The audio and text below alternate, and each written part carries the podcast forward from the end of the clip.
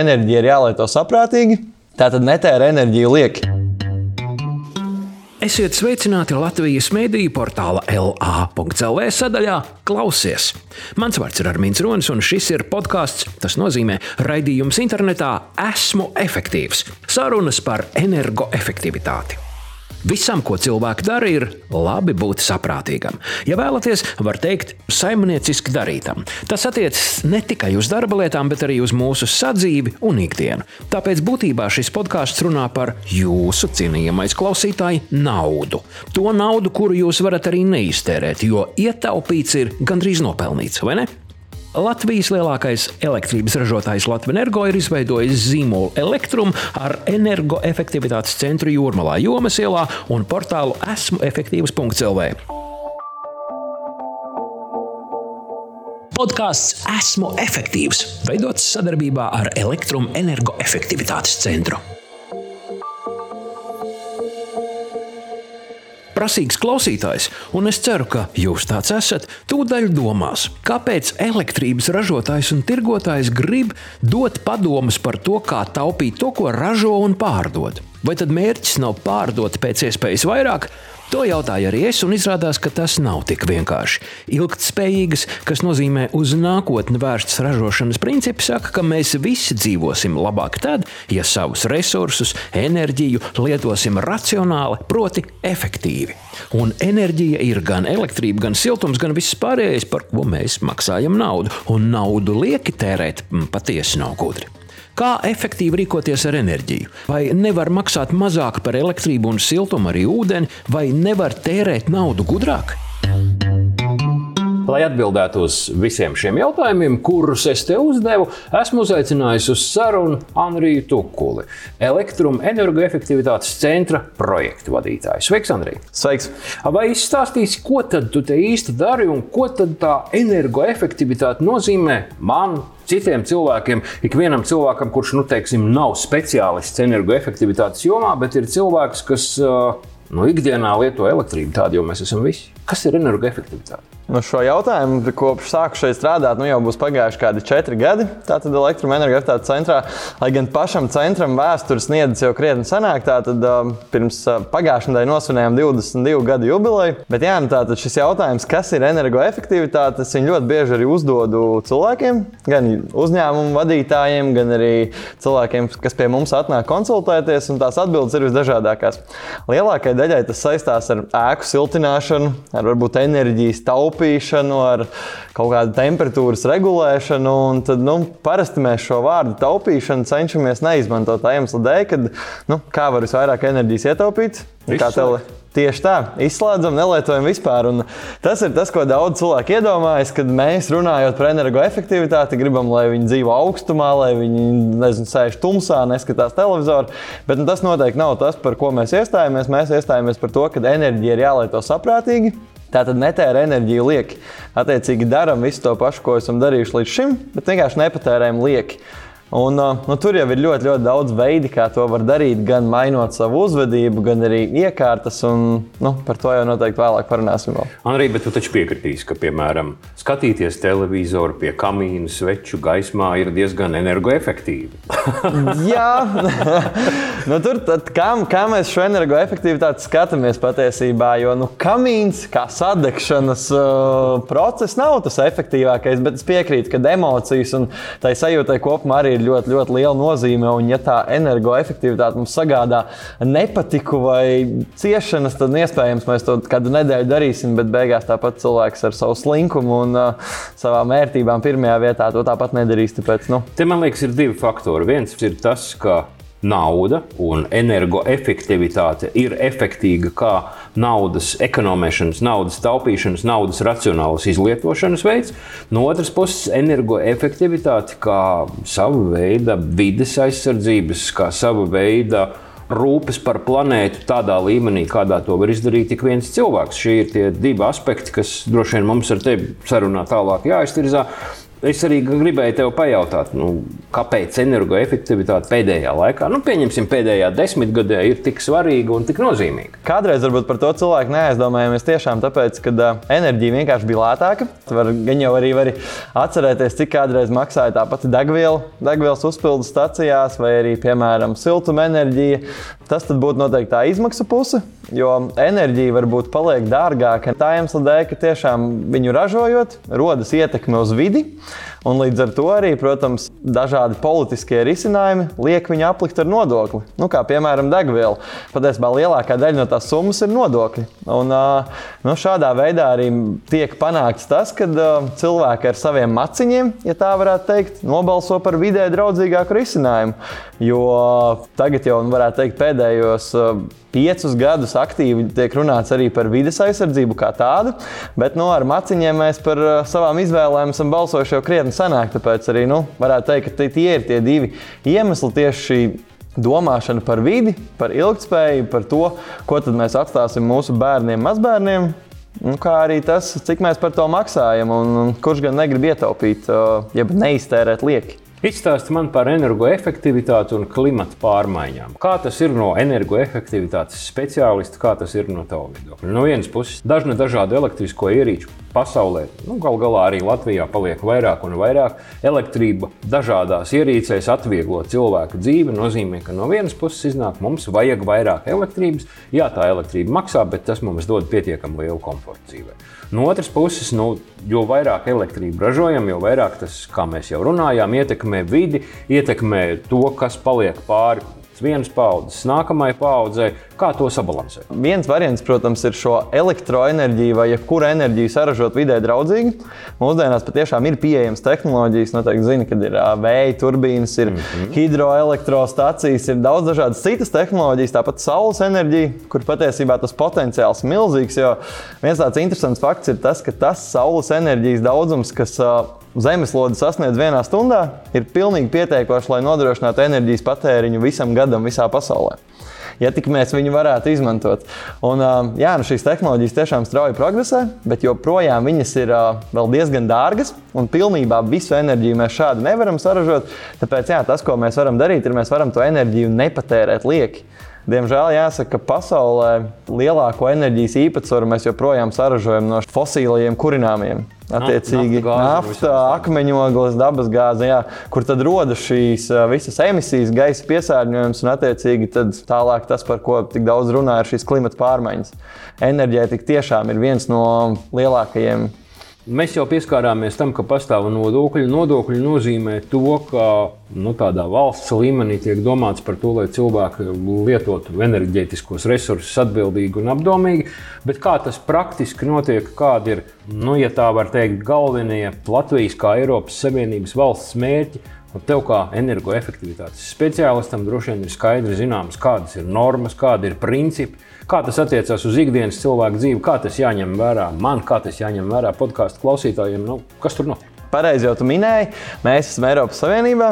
Gan jau būs dzirdējis, varbūt, ka ir tāda Parīzes klimata vienošanās, mhm. attiecīgi, kur parakstīja lielākā daļa pasaules valstu. Un, uh, tur tad apņēmās tiešām panākt to, ka tas klimats uh, nākamajām paudzēm uh, tiek saglabāts uh, noteiktā līmenī. Attiecīgi, nu, mēs viņu pārāk nesačakarējam, ja tā varētu teikt. Tad, uh, tāpēc jā, ir ļoti svarīgi domāt ne tikai par to, kādas elektroierīces mēs lietojam, kā mēs viņus izvēlamies, bet arī par to, kā mēs, piemēram, apsilda mūsu mājokļus. Tāpēc arī ļoti, ļoti aktīvi tagad tiek strādāts pie ēku renovēšanas, siltināšanas. Jo, piemēram, jaunām ēkām jau ir normas, kas ir jāievēro, bet vecākām mājām, kam ir 30, 40, 50 gadi, Viņam par to energoefektivitāti tajā brīdī, kad cēlā, tas nebija galvenais. Par to netika domāts. Un arī tas nolietojums ir pietiekoši liels. Un, nu, tad nu ir jautājums, ko mēs ar šīm ēkām darām. Kā lai mēs panākam, ka viņas ir efektīvas. Tam taču ir ēku siltināšanas programma. Jā, bet, nu, kā redzat, Latvijā nav arī braucot caur Rīgu.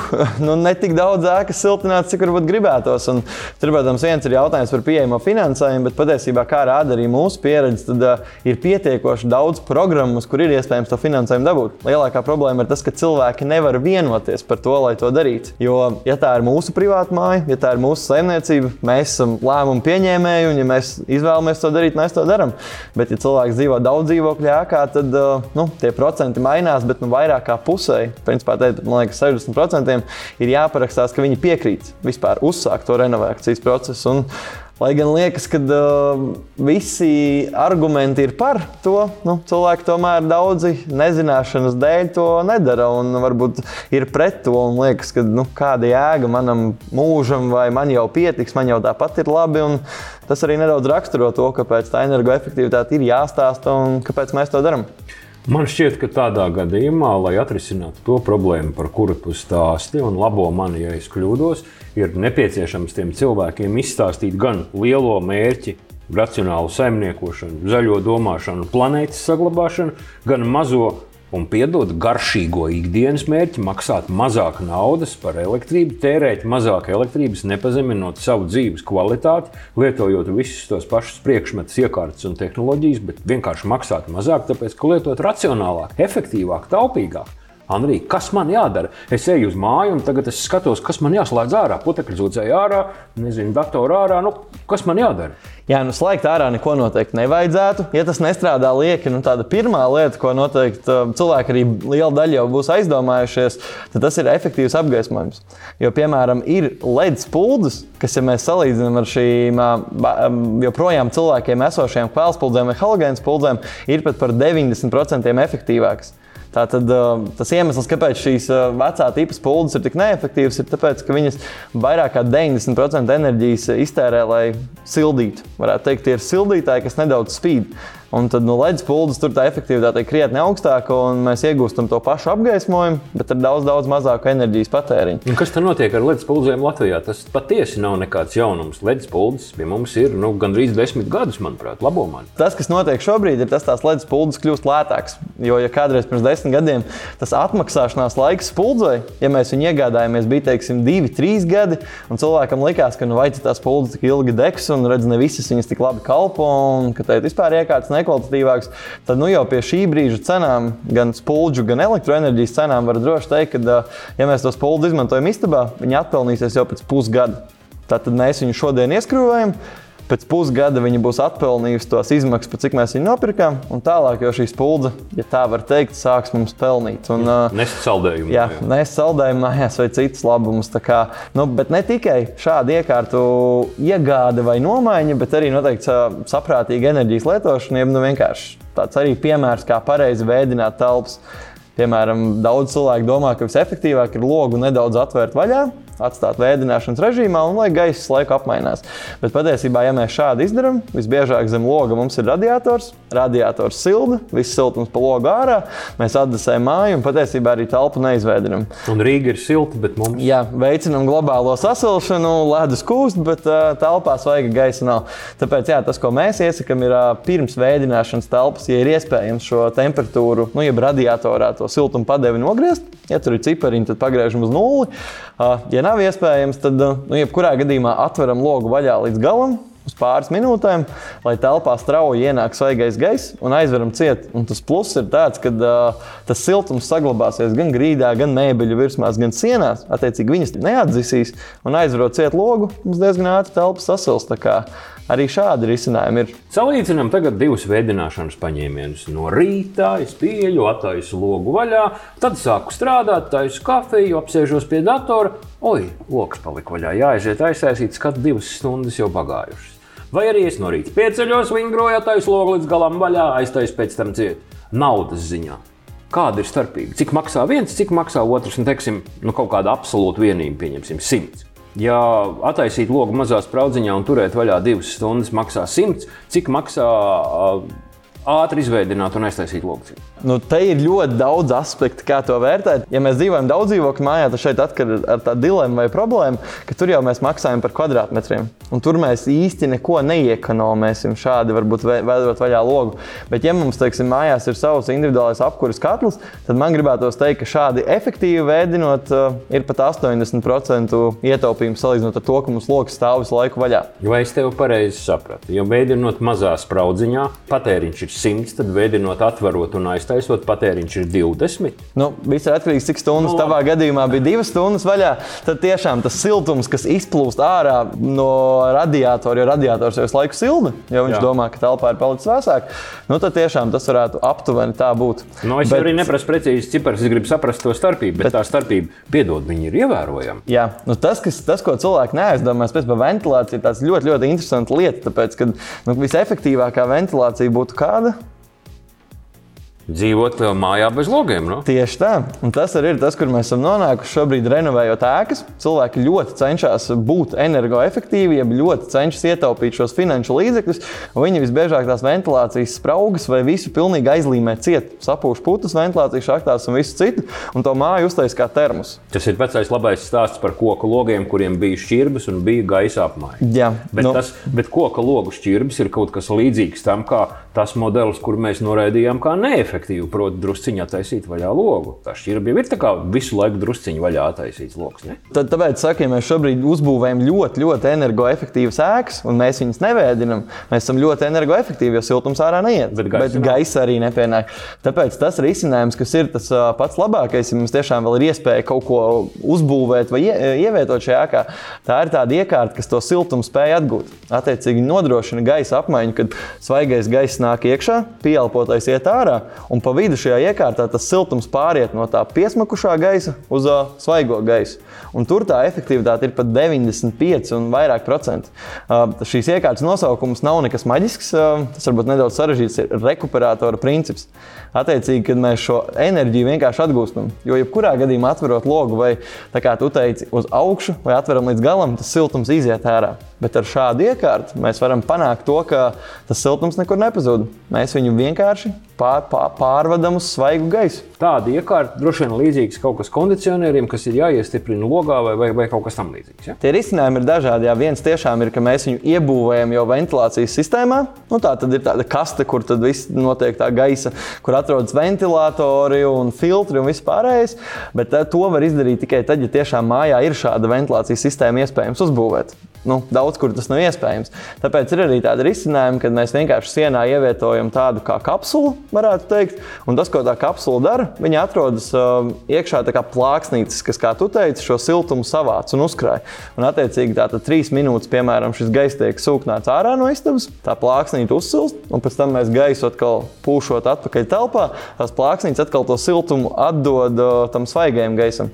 Bet tas rekuperācijas ā, agregāts, aparāts, ierīce pat. Viņi tā ir kaut kādā veidā jāvada. Tas nozīmē, ka viņi arī tērēs elektrību. Viņi kaut kādā veidā ir uh, indikātori, regulēšana. Tas nozīmē, ka vēl viena dakšiņa kontaktrozetē iekšā. Kur tad nu- ekonomija? Šī iekārta tiešām patērēs elektroenerģiju, bet viņa ir būvēta tā, lai tas elektroenerģijas patēriņš būtu daudz, daudz reižu mazāks nekā tas ietaupījums, ko šī iekārta sniedz. Tātad mēs varbūt elektroenerģijas rēķins mums iespējams nedaudz pieaugs, bet uh, siltumenerģijas rēķins mums ievērojami samazināsies. Tā Kā, Tas nozīmē, ka katlu varēs pagriezt. Nu, ja mēs, piemēram, kurinam ar granulām vai ar dabas gāzi, tad mēs jutīsim ievērojumu patēriņa samazinājumu.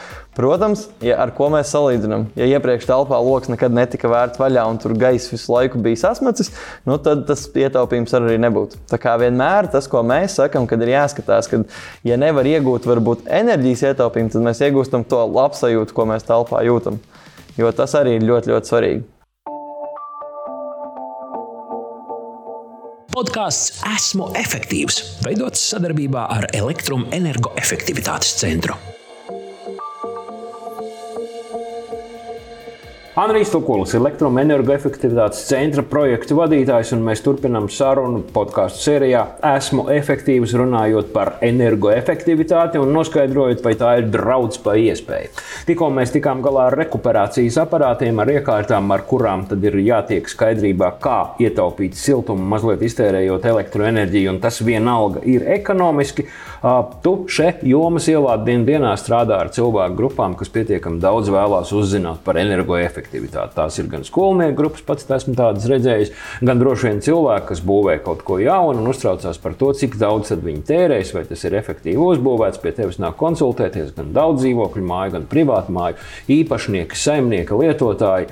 Tas rekuperācijas aparāts, vai cilvēkiem ir bažas no tā, vai ir kaut kas tāds, ko mums būtu jāpasaka. Lūdzu, nebaidieties, nekodīs, ļoti labs. Nu, tas, ko noteikti gribu pateikt, ir cilvēkiem, kuri vēl būvē savas ēkas, kuri tiešām domā par to, kādu risinājumu izvēlēties, vai varbūt likt koka logus, kas paši elpos, vai šādi iekārti, tad noteikti nebaidīties, jo mums ir arī pietiekoši daudz pieredzes bijis, ka cilvēki tiešām pēc gadiem, kad māja jau ir uzbūvēta, atnāk un viņi tiešām saka to, ka paldies, ka mēs viņiem šo iekārtu ieteicām. Jo tagad ir tā, ka tu, viņi saka, atnāk jebkurā brīdī mājās, un tu jūti, ka vienkārši tas gaiss ir svaigs. Nav kā piemēram kādreiz, kad ziemā likās, ka viņš ir sasmats. Tas lielākais pluss jau ir tas, ka tev par to nav jādomā. Tev nav tas lokus jāvar vaļā ciet, jātērē savs laiks. Nav. Un tas atkal ir kaut kāda mēra efektivitāte, ka tu savu laiku ietaupi. Briesmīgi liela lieta ir nauda. Nauda, kur cilvēks tērē par siltumu, par enerģiju, tie rēķini tagad pietiekami lieli.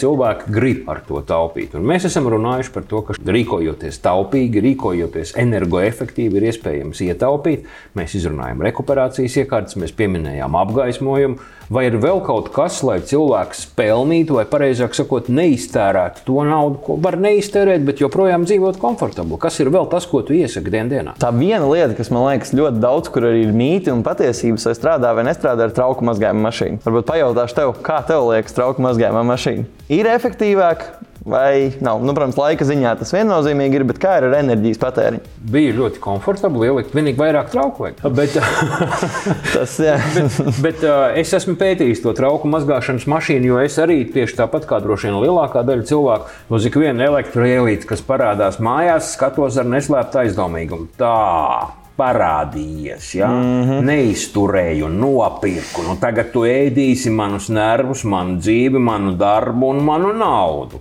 Un cik tad tu ēdīsi? Un tad mēs ķeramies klāt skatīties cipariņus, A, B, C, D, burtiņus, ko tas viss tur nozīmē un kā ar to visu var tikt galā. Un tad, nu labi, A, A, plus, A2, plus, A3, plus, A, kungs, cik daudz to plusu vai tā vispār var būt? Jā. Tagad tie plusi, jā, tas, ko var mierināt cilvēks, ka no nākamā gada septembra tiešām šie energo marķējumi, jeb tas, kur tie ārā plusiem, man liekas, auga kā sēnes pēc lietus, ka nu jau pat bija iekārts ārā trīs plusiem un vēl mīnus 40%, tad tā sistēma tiks pārskatīta un attiecīgi augstākā klase būs A. Nebūs vairs jāskatās A, un tad tur tie Plusiņi. mīnus 40% ir par labu, ir par sliktu, un tad kuru tad īsti izvēlēties? Nu, labi, bet mēs paliekam pie bet, jā, pie trauku mazgājuma mašīnām. Tad tas, ko es gribēju noteikt cilvēkiem, apgāzt to mītu, ka viņas varbūt ietaupa laiku, bet noteikti patērē vairāk enerģijas.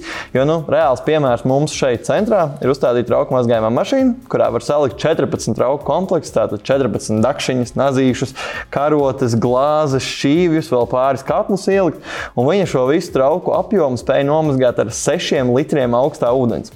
Atkarībā no tā, kāds mājās ir uzstādīts krāns, tas, iztek aptuveni minūtē, pusotrā. Nu, tad varat mēģināt iztēloties paši, vai pusotrā minūtē jūs varat traukus samitrināt, saziepēt, noskalot un vēl nožāvēt. Nu, ar tādu ūdens daudzumu, kas iztek pusotrā minūtē. Nu, diezgan neiespējami. Tad daudz cilvēku parasti saka, bet labi, nu, ūdenis ietaupa, laiku es varbūt ietaupu, ko es būtu mazgājis. Bet kā ar elektrību? Mm -hmm. Un patiesībā ir tā, ka šī trauku mazgājuma mašīna to karsto ūdeni izmanto tikai mazgāšanas procesā. Attiecīgi viņi uzsilda tikai tik, cik ir nepieciešams. Un tad brīdī, kad trauki tiek skaloti, viņi skalo jau ar augstu ūdeni. Un kas ir interesanti, tad, ja mājās, piemēram, ir uzstādīts elektriskais boileris, jeb nu, silto ūdeni mēs tāpat iegūstam, izmantojot elektrību, tad tur jau mēs tos traukus mazgājam tādā vidēji remdenā, 35 grādi varbūt ūdenī visu laiku, un skalojam arī tādā pašā, nu ne visi atgriež to augstu ūdeni. Un tad, ja tiešām mēs ūdeni mājās sildam ar elektrību, tad arī elektroenerģijas ietaupījums ir. Tā kā principā viena iegūme, kas varbūt liekas, nu, protams, tā ir iekārta, kurai ir jānopērk, bet attiecīgi tad jau var izdarīt izrēķināt, cik ātri šī iekārta mums atmaksāsies. Un, ja dzīvo cilvēks viens vai divi, Tad ir pieejams arī mazākas trauku mazgājumās mašīnas, kur tad nevajag desmit trauku komplektus, lai tur divas, trīs dienas var krāt. Tā kā tie risinājumi ir dažādi. Un, ja nav jāmazgā viens šķīvis ar vienu karoti, tad noteikti var izmantot trauku mazgājumu mašīnu, un tas būs efektīvāk. Kā mazgāt jums, jums centrā ir vairākas trauku mazgājumās mašīnas, jūs esat veikuši savus ne nu gluži pētījumus, bet sauksim tos par novērojumiem. Jā. Kā tas ir un kā tas izskatās? Kāda ir šo novērojumu rezultāti? Kas ir tas, ko jūs varat pateikt savam energoefektivitātes centra klientam? Klientam. Šeit mēs esam salikuši četras. Cik jums tur lejā ir? Jā, tā, Četras. Nu, četras dažādas trauku mazgājumās mašīnas. Mēs esam pamēģinājuši vienu, otru, trešo. Mēs esam pielikuši klāt viņām skaitītājus, nomērījuši visu, apsakojuši. Ko jūs iesakāt? Konkrētu ražotāju, konkrētu modeli, konkrētu ideju, konkrētu dizainu? Kas... Ražotāji varbūt kādu būtu grūti izcelt, jo nu, tur ir brīvā konkurence. Un, attiecīgi, ja viens ražotājs parāda kādu feature, tad arī citām pēc laika tas parādās. Dabis. Bet tas, ko mēs noteikti gribam pateikt, tas ir šī lietošanas paraduma. Pirmkārt, mēs pērkam šobrīd veļas mašīnas vai trauku mazgājumas mašīnas ar 20 funkcijām, ar dažādām viedajiem risinājumiem, bet, nu, kā rāda pieredze, lielākā daļa cilvēku atrod vienu, kur viņiem apmierina, un viņi neko neregulē. Lai gan patiesībā arī trauku mazgājuma mašīnām ir tie mazgāšanas cikli, sākot teiksim, no pat 2,5 stundām, 3 stundām, kur mazgā ar tvaiku, ar antibakteriālajiem režīmiem, visādiem.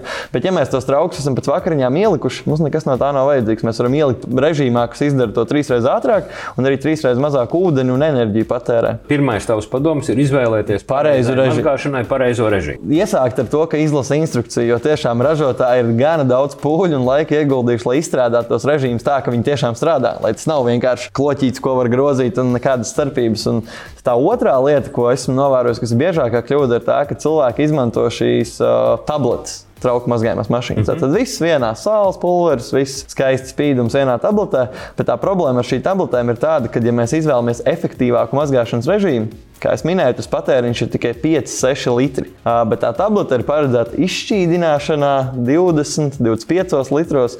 Un tas, ko mēs iegūstam, ir tas, ka tā tablete neizšķīst. Trauki paliek pleķēni, tā ķīmija uz viņiem paliek virsū. Attiecīgi, tālāk mēs to ķīmiju apēdam, un nu, tas Labi, nenāk par labu ne mums, ne pašai mašīnai. Tām iekārtām kļūstot efektīvākām, ir jāskatās arī tas, cik daudz to mazgāšanas līdzekļu mēs liekam. Ne tikai trauku mazgājumās mašīnās, bet arī veļas mašīnās. Šī ķīmija, sadzīves ķīmija, Jā. kas arī ir jāpērk, maksā naudu tiktu izlietota ilgi, tiktu izlietota racionāli, tad būtu mazāks tēriņš cilvēkam, kas to pērk, būtu labāka ietekme uz vidi, jo tas pats līdzeklis, kurš pēc tam ar ūdeni aiziet uz attīrīšanas iekārtu, tā vienkārši būtu mazāk. Jā, arī tur būtu lielāks enerģijas patēriņš, lai viņi attīrītu. Tā kā nu, tie iegūmi tiešām no šāda risinājuma ir kompleksi un nu, gana daudz. Ne tikai varbūt, mums, bet arī tālāk vidē tas iegūms viennozīmīgi ir. Labi, mēs esam pārunājuši dažas interesantas tehnoloģijas, kuras esam pieminējuši mūsu sarunā, tāpēc, ka mūsu uzdevums ir taupīt naudu. Taupīt jūsu naudu, cienījamais podkāstu klausītāji, jo pašreiz iedomājos, jūs klausāmies podkāstu telefonā un stāvam savā virtuvē. Tur mazāk, tur mazāk, gaismu mazāk, pareizi izveidot un skaties, mazs gabaliņš naudas ceļojumam uz Kanārijas salām jau ir lēnām izveidojies, ko mēs arī novēlam. Arī apkopojot mūsu sarunu, mēs runājam par gaismu. Tā tad pareizā gaisma, pareizā daudzumā taupa naudu. Ja. Apkopojot, runāto par uh, veļas un trauku mazgājumām mašīnām. Pareizi izvēlēts režīms un pareizs lietojums taupa naudu, ir vērts izlasīt instrukciju, uzzināsiet daudz jauna, būsiet gudrāki, būs ar ko padalīties sarunā ar draugiem, plus vēl nauda paliks pāri. Ne tikai no elektroenerģijas ietaupījuma, bet arī no mazgāšanas līdzekļu nu, patēriņa samazinājumu. Vai ir vēl kāda tehnoloģija, kur mēs nepieminējām, un pie kuras mēs iespējams pieskarsimies vēlāk? Nu, tā vēl lieta, kas tagad kļūst ļoti populāra gan pasaulē, gan arī Latvijā, tie ir dažādi viedie risinājumi. Zinām, ka viss kļūst vietas. Tas varbūt uzreiz nenozīmē, ka viss tērē mazāk enerģijas, bet noteikti noteikti gribētu ieteikt cilvēkiem nebaidīties no tā, ka, piemēram, mājās uh, temperatūru ir iespējams kontrolēt, attēlināt, vai arī, piemēram, paši nu, gaismekļi ir ar kustību sensoriem vai citām lietām. Jo tās ir ierīces, kuras uh, noņem darbu mums, jo, protams, mēs katrs varam to energoefektivitātes ietaupījumu panākt, domājot līdzi, sekojot, bet ir pietiekoši daudz risinājumu, kas, uh, ja ne vēl šobrīd, tad tuvākajos gados noteikti parādīsies un kļūs arvien pieejamāki, kas ļaus ietaupīt enerģiju. Tad mums par to nedomājām, ka par to domās jau tehnoloģijas. Es domāju, ka tas būs tev darbs daudziem gadiem uz priekšu, jo jaunās tehnoloģijas nāk. Un tev nāksies cilvēkus pārliecināt dabiski nebaidīties, kas varētu būt no šīm tehnoloģijām. Jo katrai jaunai viedai tehnoloģijai ienākot apritē, viņa man šķiet zināmā mērā izraisa cilvēkos bažas. Man ir jānopērk, man ir jāuzstāda, tā ir ņemšanās. Tas maksā naudu, tas man kaut ko ietaupīs nezināmā nākotnē. Es vēl nezinu, cik ietaupīs, un tev nāksies pierādīt, ka patiesi ietaupīs un ietaupīs daudz. Tu varēsi to izdarīt. Domāju, ka noteikti. Paldies! Anrijs Tokulis, elektroenergoefektivitātes centra projektu vadītājs, par jūsu naudu šajā podkāstā ir izstāstījis to, ka jums viņi ir vairāk nekā jums šķiet. Tā vismaz man liekas. Paldies, Anī, par sarunu. Paldies! Paldies arī jums, ka klausījāties. Sarunu par energoefektivitāti turpināsim. Mans vārds ir Armīns Ronis, un podkāsts Esmu efektīvs veidots sadarbībā ar Elektroenergoefektivitātes centru un portālu esmu efektīvs.cl. Tiksimies podkāsta nākamajā epizodē.